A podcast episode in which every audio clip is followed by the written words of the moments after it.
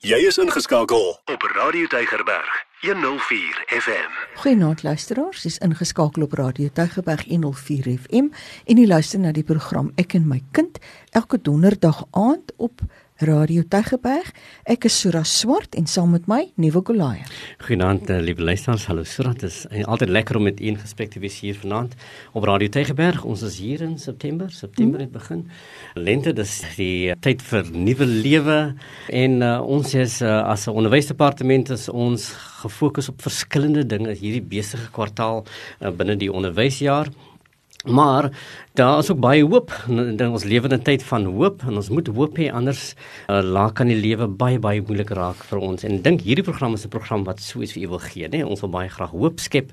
En dit is altyd lekker om te weet dat dat die luisteraars hier in die Weskaap luister na hierdie program. So wees welkom geniet hierdie program. Ons het 'n baie spesiale program vir u vanaand Ja, ons is vanaand te gas in die ateljee wat met ons kom gesels. Ek wil miskien net so in herinnering roep ons hierdie reeks wat ons mee besig is oor die seisoene van ouerskap daar toe ons gesels het 'n hele paar aande gelede oor die seisoen van diens aan jou kind en toe het ons gepraat oor eintlik die jong in die ontwikkelingsjare van die kind nê nee.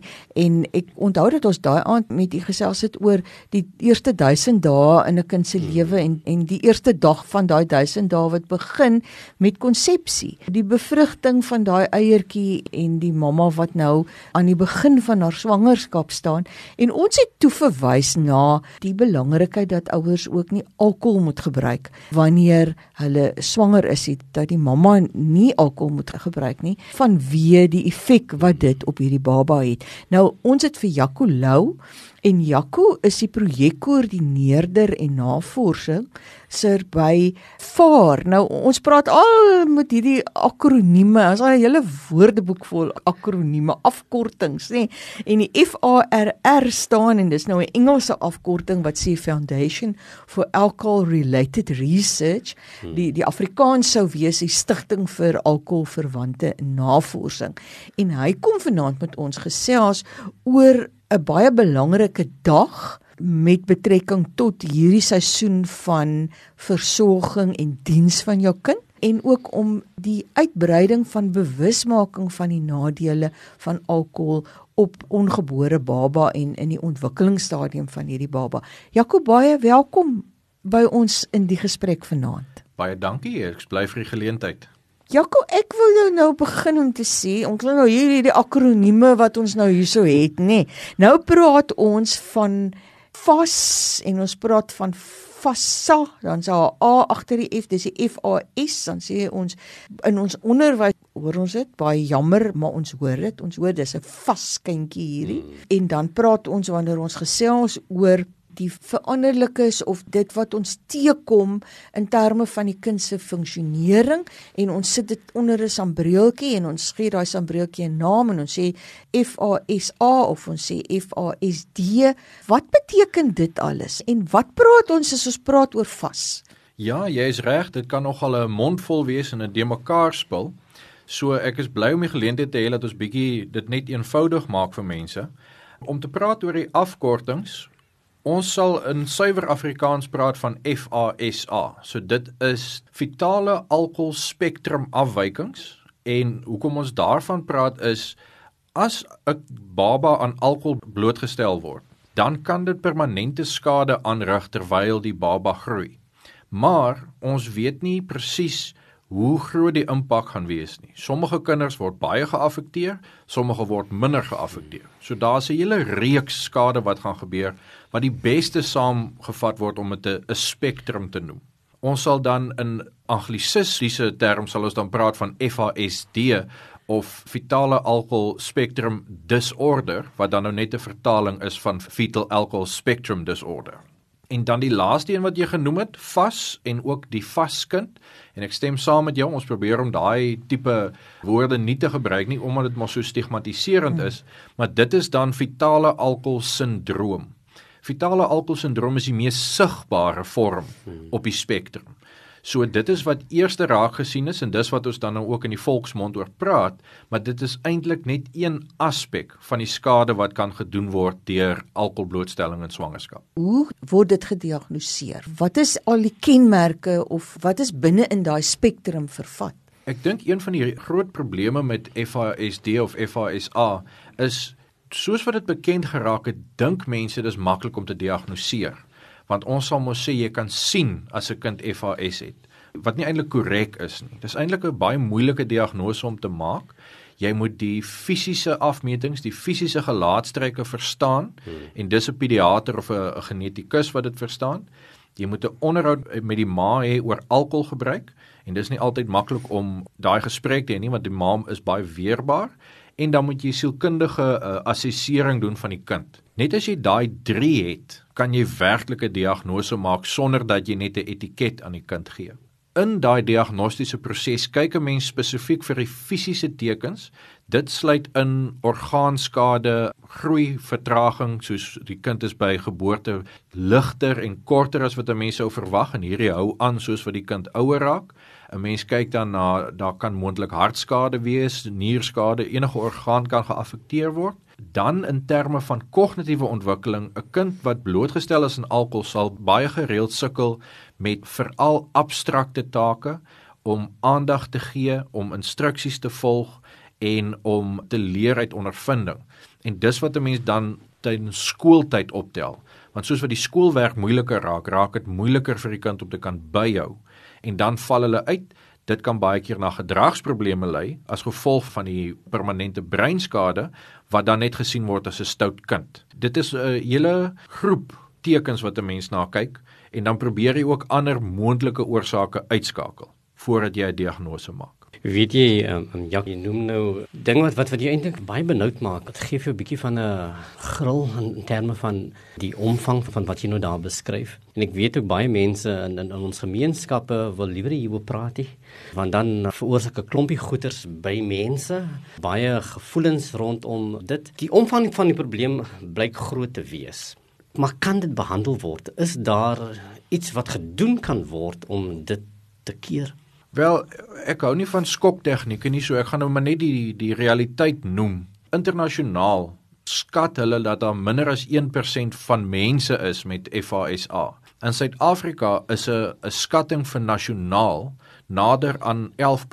Maar daar's areas in ons land waar dit so hoog is soos 28% van kinders en 31% van kinders. En as jy in ag neem jy het 'n klas van 20 kinders, dan het jy 6 of meer kinders wat dan ja. geaffekteer is deur fetale alkoholsindroom of fetale alkoholspektrum afwyking. En die omvang van die probleem is ook moontlik onderskat. Maar ons wil nie mense bang praat nie, ons wil net sê dat dit is belangrik om te weet dat dit kan die uitkoms wees van alkoholblootstelling. En die die hartseer saak is daar's geen ommekeer nie. Daar is ja. nie enige mediese behandeling of enige enige chirurgie of iets wat kan omdraai die skade wat gedoen is deur die alkoholblootstelling nie. Dit is dan 'n geval van waar jy 'n kind het wat jy moet koester en ondersteun van so vroeg as moontlik af in terme van ontwikkelingsgeleenthede gee en om te ondersteun in hulle te leer oor toepaslike gedrag. Dit gaan baie werk vat van die ouer en van die gemeenskap en van die onderwyser. Maar hoe vroeër 'n mens dan daai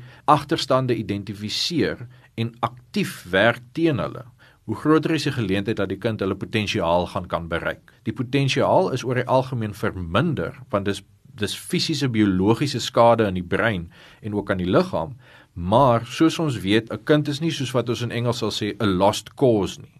Daar hmm. is nog baie wat gedoen kan word binne daai potensiaal, maar dit verg werk. Dit verg vroeg identifiseer en bereid wees om te sê my kind sukkel en ek vermoed dit is oor dat ek alkohol gebruik het tydens swangerskap. En ek het baie respek vir 'n ma wat dit kan sê want dit is 'n dis 'n moeilike ding om te erken, maar deur dit te sê, te erken en dan hulp in te kry, is dan hoe jy die toekoms van daai kind kan verbeter. Jy praat van vroeg diagnose. Jy het nou gepraat van hoe dit gediagnoseer word, maar hoe diagnoseer mense dit vroeg? Wat kry jy om 'n diagnose vir dit te soek? Ja, weer eens, dit is altyd moeilike vrae, want veral by geboorte is dit moeilik om te diagnoseer. Omdat daar ander redes kan wees vir die uitvalle wat 'n mens sien, soos lae gewig en en so meer. En die gelaatstrekke van die kind moet nog groei. Maar as jy nou 'n spesialis span het wat lank daarmee werk, is dit moontlik om dit vroeg na geboorte. Ons doen op ons projekte rondom 9 maande ja. of meer die diagnose, maar dit is baie moeilik op daai stadium. Wanneer dit makliker raak om dit so te stel is rondom die skoolgaande ouderdom. Hmm. Want dan het ons toetse wat vir jou sê waar jy verwag die kind moet presteer. Ons het die maatstaf waarna ons die kind kan meet en ons sien dan ook hier is 'n uitval. Maar as 'n mens teruggaan na jong ouderdom toe, daar is goed wat jy reeds dan al kan optel. Hmm. Soos kinders met FASA wat nou klein gebore word, jy gaan sien dat hulle hulle mylpale nie noodwendig bereik nie. En ons praat nou in terme van kognitiewe ontwikkeling praat, hulle kan dalk op jong ouderdom reeds gedragsprobleme en so toon. En dis hoekom ek sê dat as 'n mens dan jou hand opsit en sê, "Oké, okay, ek sien my kind is, is agter met mylpale, ek sien dat daar is hierdie gedragsprobleme, ek is bekommerd." En dan weet jy mos persoonlik dat daar was alkoholblootstelling. Die dokter of die sielkundige gaan dit nie weet nie. Hmm. Maar as jy dit vir hulle noem, dan kan 'n mens reeds sê, "Oké, okay, ons kan nie nou 'n konkrete diagnose maak nie. Ons weet dis 'n moontlikheid, so kom ons begin simptomaties werk. Ons kyk hoe kan ons die kind met die spesifieke goed waarmee hulle sukkel uithelp. So weer die hmm. antwoord is dat die konkrete diagnose is die maklikste of die eenvoudigste om te maak rondom skoolgaande ouderdom, maar as jy bekommerd is, soek hulp. Eintlik as ons nou weer teruggaan na hierdie die ouer se tydperk van diens nie, daai seisoen van diens, dan klink dit ook vir my dat die ouer wat en ons maak mos maar almal foute. Ons is mos almal mense. En as ek as ouer dan besef, maar ek was swanger, ek het nie geweet ek is swanger nie ek het alkohol gebruik en ek wil nou nog wil nog vra oor hoeveel alkohol? Moet ek elke dag elke oomblik drink of hoeveel alkohol kan ek gebruik? Ek wil hou hy vragie vas daarso terwyl ek besig is om te praat. Om te sê maar as met ander woorde so 'n ouer dis eintlik daai diens aan sy kind om te gaan sê dit het nou gebeur en hier is vir my uit die aanduidings. My kind se mylpaal uit baie laat leer loop uit baie laat leer praat. En dat ek dan al van voorskool af moet begin hulp kry om insette te lewer om my kind ekstra hulp te gee dat ek nie moet wag totdat hy eers by die skool aankom en juffrou dit eers diagnoseer nie Ek stem 100% saam. Ek wil net ook noem dat as ons nou praat van die ouer, is maklik vir die mans in die kamer om te hoor ma. As ons praat van die ouer moet verantwoordelikheid neem, dis hmm. maklik om te dink okay maar die radio sê die ma moet verantwoordelikheid neem vir haar besluite. Maar as ons kyk in, in telke male op ons studies, 'n vrou of 'n ma drink nie in 'n vakuum nie. Daar's 'n gemeenskap rondom haar, daar's 'n vriendegroep, daar's 'n familiegroep rondom haar. Wanneer ons met ma's praat en vra saam met wie jy gedrink, saam met my familie, saam met my man, saam met my boyfriend, dan en een van die goed wat die sterkste aandui of die die ma dalk gaan alkoholprobleme het is of die partner, die man alkoholprobleme het. So ja, ons weet dat die fetus groei by die ma, sy is die biologiese aspek daarvan, maar die sosiale aspek daarvan moet ons ook vra. Het die pa en die familie dit 'n omgewing gemaak waar die ma kon moeilike besluite neem? het hulle gesê oké okay, maar dan bly ek saam met jou by die huis. Of het hulle gesê dan kyk ons maar die rugby by iemand anders se huis so laat nie 'n klomp dronk mense in ons huis is nie. Het hulle gesê oké okay, ons gaan nou hierdie naweek iets doen. Ek maak seker daar's mocktails of daar's sap of daar's iets lekker of was dit maar net die geval van okay, jy's die ma sort jouself uit hou die kind gesond hmm. ek gaan maak wat ek lus het En dis 'n baie belangrike kopskuif want dit is ook dan dis nie die ma se rol om die ondersteuning dan te bied en dis nie die ma se rol om dan te identifiseer en te help nie. Dis die ouers. Dis beide. En dis daai aspek van ondersteuning van die partner wat ek dink ons baie sterk op moet leun want die beste van tye kan moederskappe alleen pad wees en dis moeilik. Swangerskap is nie 'n uh, 'n piknik nie. En as 'n mens dan nie daai emosionele sosiale ondersteuning het, baie van die ma's wat ons mee werk sit met diep trauma en die enigste ja. manier wat hulle geweet het om daarmee te kan meegaan is om alkohol te gebruik. En in daai situasie wat sou gehelp het, is iemand van buite wat sê praat met my. Waarmee sukkel jy? Hmm. Wat kan ek doen om te help? En dat wanneer 'n egpaar of mense wat in 'n verhouding is met mekaar die besluit neem dat ons wil graag nou 'n baba hê. Dat daai besluit dan deel word daarvan, nê, nee, dat al is ek 'n persoon wat alkohol van tyd tot tyd gebruik, dat omdat ons nou gaan wil swanger raak, gaan ek ophou om en dat dit 'n gesamentlike besluit is, klink dit vir my sê jy nou daar. Ja, definitief. Ek dink een van die van die statistieke wat ons moet onthou is amper 78% van swangerskappe in ons land is onbeplan. En as jy kyk veral in die primêre gesondheidsorg area, vrouens gaan baie keer eers na 2 maande vir die ja. eerste keer om 'n swangerskap te bevestig. En ons weet die navorsing sê as 'n alkoholblootstelling in daai 2 maande was, daar kan reeds ernstige skade wees aan die baba se ontwikkeling. So jy het 'n liefdevolle ma wat hierdie baba wil hê en sy het sodra sy uitgevind het sy swanger, het sy alles gedoen om die swangerskap gesond te hou. Maar sy het nie geweet sy swanger nie en in daai tydperk was daar reeds skade.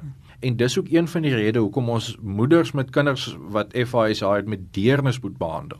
Niemand gaan hulle so kwaadlik neem soos wat hulle hulle self kwaadlik neem. En weer eens, dit is net daai idee van ek as partner, ek wil mos ook hierdie kind hê. Ek wil mos ook 'n goeie pa wees. So wat kan ek en die vrou doen? Ek en die ma doen om hierdie gesonde swangerskap te maak. Ek dink wat jy genoem het is is wonderlik dat gesinsbeplanning is een van die goed wat enorme impak gaan hê. Is daar veilige hoeveelheid alkohol te neem en is daar veilige tyd gedurende swangerskap om alkohol te neem? Nee, daar's geen veilige tyd nie en daar's geen veilige hoeveelheid nie. Ja. Daar is wat ons noem gebaseer op die dosis en die tyd wat die hmm. alkohol ingeneem word, is daar verskille. Maar ons kan nie sê dat daar 'n vlak van alkohol is wat daar nie risiko is nie. So ons kan praat van okay, as jy nou soveel alkohol drink, dan is net hierdie 'n probleem of net hierdie op die einde van die dag waarvoor jy mik is nie is geen probleem nie. So wat ons kan sê is die veiligste en die sinvolste besluit is geen alkohol nie. Want ons kan nie sê dat enige hoeveelheid alkohol yes. veilig is nie. En ons weet daar is al mense gewees wat minimaal alkohol gebruik het wat dan probleme na die tyd wys. En soms ons weet nie of as daar alkohol gebruik is, FIA word nie gediagnoseer nie. Ons weet nie of daar nog steeds agterstande is in aandag of impulsbeheer of geheue wat nie opgetel word as FISA nie, maar wat nog steeds daar is as gevolg van alkoholblootstelling in swangerskap. En soos wat die fetus deur die hele periode van swangerskap ontwikkel, daar's nooit 'n tydperk wat daar nie 'n aspek van ontwikkeling is wat kwesbaar is vir alkoholblootstelling nie. Jacques het genoem dat dat daar's 'n sosiale verantwoordelikheid wat geneem moet word om vitale alkohol um, spektrum afwyking soort van te voorkom. Dit het te maak met rolspelers. Die verantwoordelikheid is nie net die ma se nie. Die pa het ook 'n groot rol van te speel deur sy sosiale en verhoudingsverantwoordelikheid in opsigte van die mamma. So kan ons dit voorkom? Jy het genoem nou statistiek vroeër dat om by 28 tot 30% van mense in Suid-Afrika het blootstelling op die manier. Dit is 'n groot totaal waarna ons kyk. Kan ons dit voorkom? Kan 'n fetale alkoholspektrum afwyking kan dit voorkom word? Ek wil sê ja, ek wil glo ja.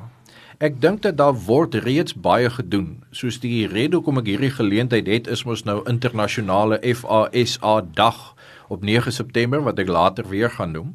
Maar daar's baie wat deur die regering al gedoen word, soos die uh, eerste 1000 dae wat jy genoem het. Dis oneindig belangrik nie net om te voorkom nie, maar ook om vroeg ontwikkeling te ondersteun. Die departement van gesondheid doen in daai opsig baie om dit te voorkom. Ons het baie wat gedoen word oor middelmisbruik deur die departement van maatskaplike ontwikkeling en die departement van onderwys het die opvoeding in die hoofstroom, maar daar is ook die spesiale skole en dan is daar ook die ondersteuning in die klaskamer en so. So daar word baie gedoen, maar die dienste is te min. 'n Mens wil nie negatief wees nie, maar die dienste is eenvoudig te min daar is nie genoeg sosiale ondersteuning vir vir ma's, eh, swanger vrouens nie. Daar's nie genoeg inligting nie, veral omdat in sommige provinsies is daar nog nie intervensiewerk gedoen nie. Hmm. So daar's nog steeds areas in ons land wat vrouens en mans nie weet dat alkohol kan skadelik wees nie. Daar's mites rondom uh, sekere tipes alkohol help met borsmelkprodusering. Daar's mites rondom dit. Maar ek glo ons kan dit voorkom. Ek glo ons kan 'n verskil maak as ons 'n ernstige gesprek op 'n samelewingsvlak het oor ons verhouding met alkoholgebruik. So dis 'n groot gesprek om te hê, maar dit gaan oor wat is normaal? Wat is normaal in hoeveelhede alkohol? Wie drink wanneer mens drink? As ons 'n ondersteuningsfondasie het vir ma's wat swanger is. Hmm. As ons inligting het dat, dat daar risiko is, dan gaan ons 'n verskil maak want ek glo geen ma sal weet daar's kind beskadig nie. Maar ja, daar word baie gedoen, maar daar is nog meer wat gedoen moet word. Nou 9 September is 'n belangrike dag in hierdie hele bewusmaking van en die voorkoming van, nê. Nee. En julle as organisasie is eintlik die leiersfigure in terme van bewusmaking. Vertel vir ons, wat gebeur op 9 September? Dis elke jaar. Is dit so? Is dit nasionaal? Is dit internasionaal? Ja, ek wil daarom net krediet gee vir al die ander organisasies wat ons ondersteun in die proses. 9 September is internasionale FASA dag, International Fetal Alcohol Spectrum Disorder Day. Dis interessant om net vinnig te noem waar dit vandaan kom. Dit gaan oor die feit dat in 1999 het baie min mense nog geweet van FASA en daar was 'n stilte rondom dit. En hmm. internasionale groepe het bymekaar gekom 9 minute oor 9 met mekaar gepraat en geraas gemaak. En dit was 'n klein klippie wat in 'n dam gegooi is wat groot branders veroorsaak het. So daai stilte wat hulle gebreek het, vat ons elke jaar vorentoe. Ons weet dat soos wat ons gepraat het oor oplossings, dit gaan nie weggaan as ons agter geslote deure met mekaar praat en konkel nie. Dit gaan net weggaan of verbeter as ons hardop met mekaar moeilike gesprekke het. So 9 September gaan daaroor om te dink aan die mense wat geaffekteer is en om dan die boodskap te deel dat geen alkohol veilig is tydens swangerskap nie. Ons doen dit met 'n wonderlike seremonie waar ons en luisteraars kan gerus hierdie ook doen op die 9 September. Jy het niks nodig daarvoor nie. 8 minute oor 9 maak 'n paar mense bymekaar en hou 'n oomblik van stilte dink aan die mense in ons land geaffekteer. Nie net die kinders nie, maar die volwassenes. Dink aan hulle ouers, dink aan hulle gemeenskappe en verstaan die erns van die saak. Maar dan 9 minute oor 9, dan is die stilte verby. Dan maak 'n mens geraas. Ons het van daai ou skoolklokke wat jy vir 'n halfuur nie kan hoor nie. En ons het jy druk 'n kar se hoeter, jy skud 'n blik vol klippe en jy raas. Want die doel hiervan is almal moet hoor en wanneer jy dan bymekaar is, deel jy die boodskap en jy sê daar's geen hoeveelheid alkohol wat ten enige tyd in swangerskap veilig is nie. Die enigste risikovrye besluit is om as jy swanger is of wil swanger raak, heeltemal weg te bly van alkohol vir daai 9 maande. En dan is 9 September verby, maar die boodskap is nie verby nie. Dan op 10 September praat jy ook met iemand en jy breek ook daai stilte 'n bietjie meer. So internasionale FASD FASA dag gaan juis daaroor soos wat ons nou maak. Ons praat daaroor. Ons deel die boodskap en ons maak geraad.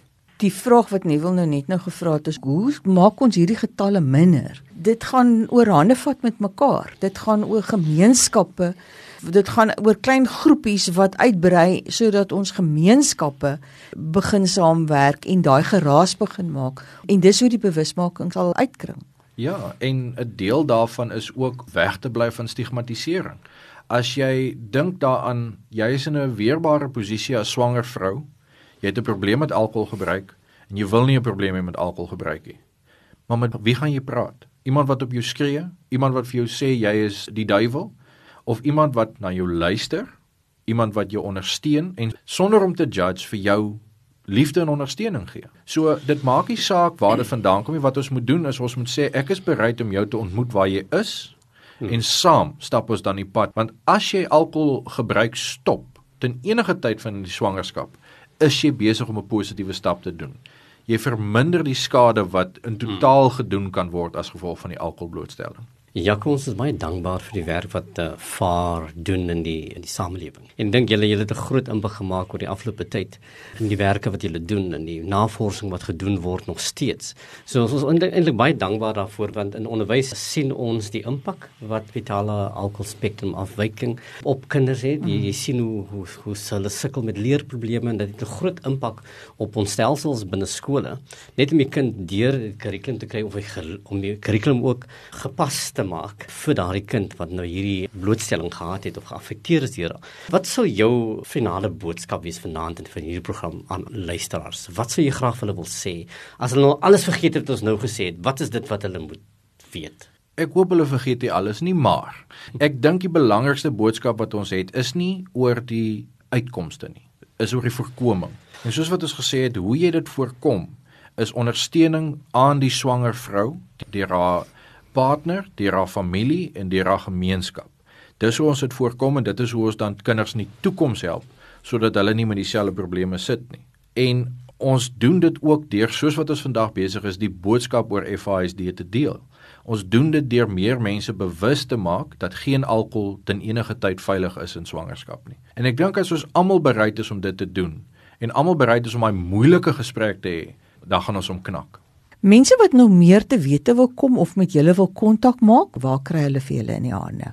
Ons is op die sosiale media, op Instagram is ons @farr.sa en ons webtuiste is www.farrsa.org.za en ons ander kontakdetails is ook daarop. So mense is meer as welkom om om op ons webtuiste te gaan. Hulle kan ons ook skakel op 021 686 2646 en ons is altyd bly om met mense te praat wat die boodskap saam met ons wil deel. En ek kan vir u sê op 'n weekoggend as jy half 8 daai nommer skakel, daar's iemand wat die telefoon antwoord gee. Jaco, baie baie dankie dat jy vanaand met ons kom gesels het oor hierdie baie baie belangrike aangeleentheid. Ek dink almal se harte gaan uit na die ouer en die kind wat in hierdie situasie beland het waar dit 'n kind is wat nadelig beïnvloed is nou as gevolg van alkohol en dat ons almal wil graag hulp verleen, maar die belangrikheid wat daar is dat ons dit moet voorkom dat dit eintlik glad nie daar moet wees nie. En vir die lekker manier waarop jy mhm. gesels het met die ouers en met almal wat luister na die program. Ek dink dit het vir almal sommer baie wêrelde oopgemaak. Ons sê baie dankie. Dankie, ek waardeer dit. En onthou om 9 September klomp geraas te maak. Te maak. Baie dankie Jakob. Nog genoeg in die liewe luisteraars. Totsiens. Totsiens. Elke dag jou nommer 1 keuse. Radio Deugerberg 104 FM.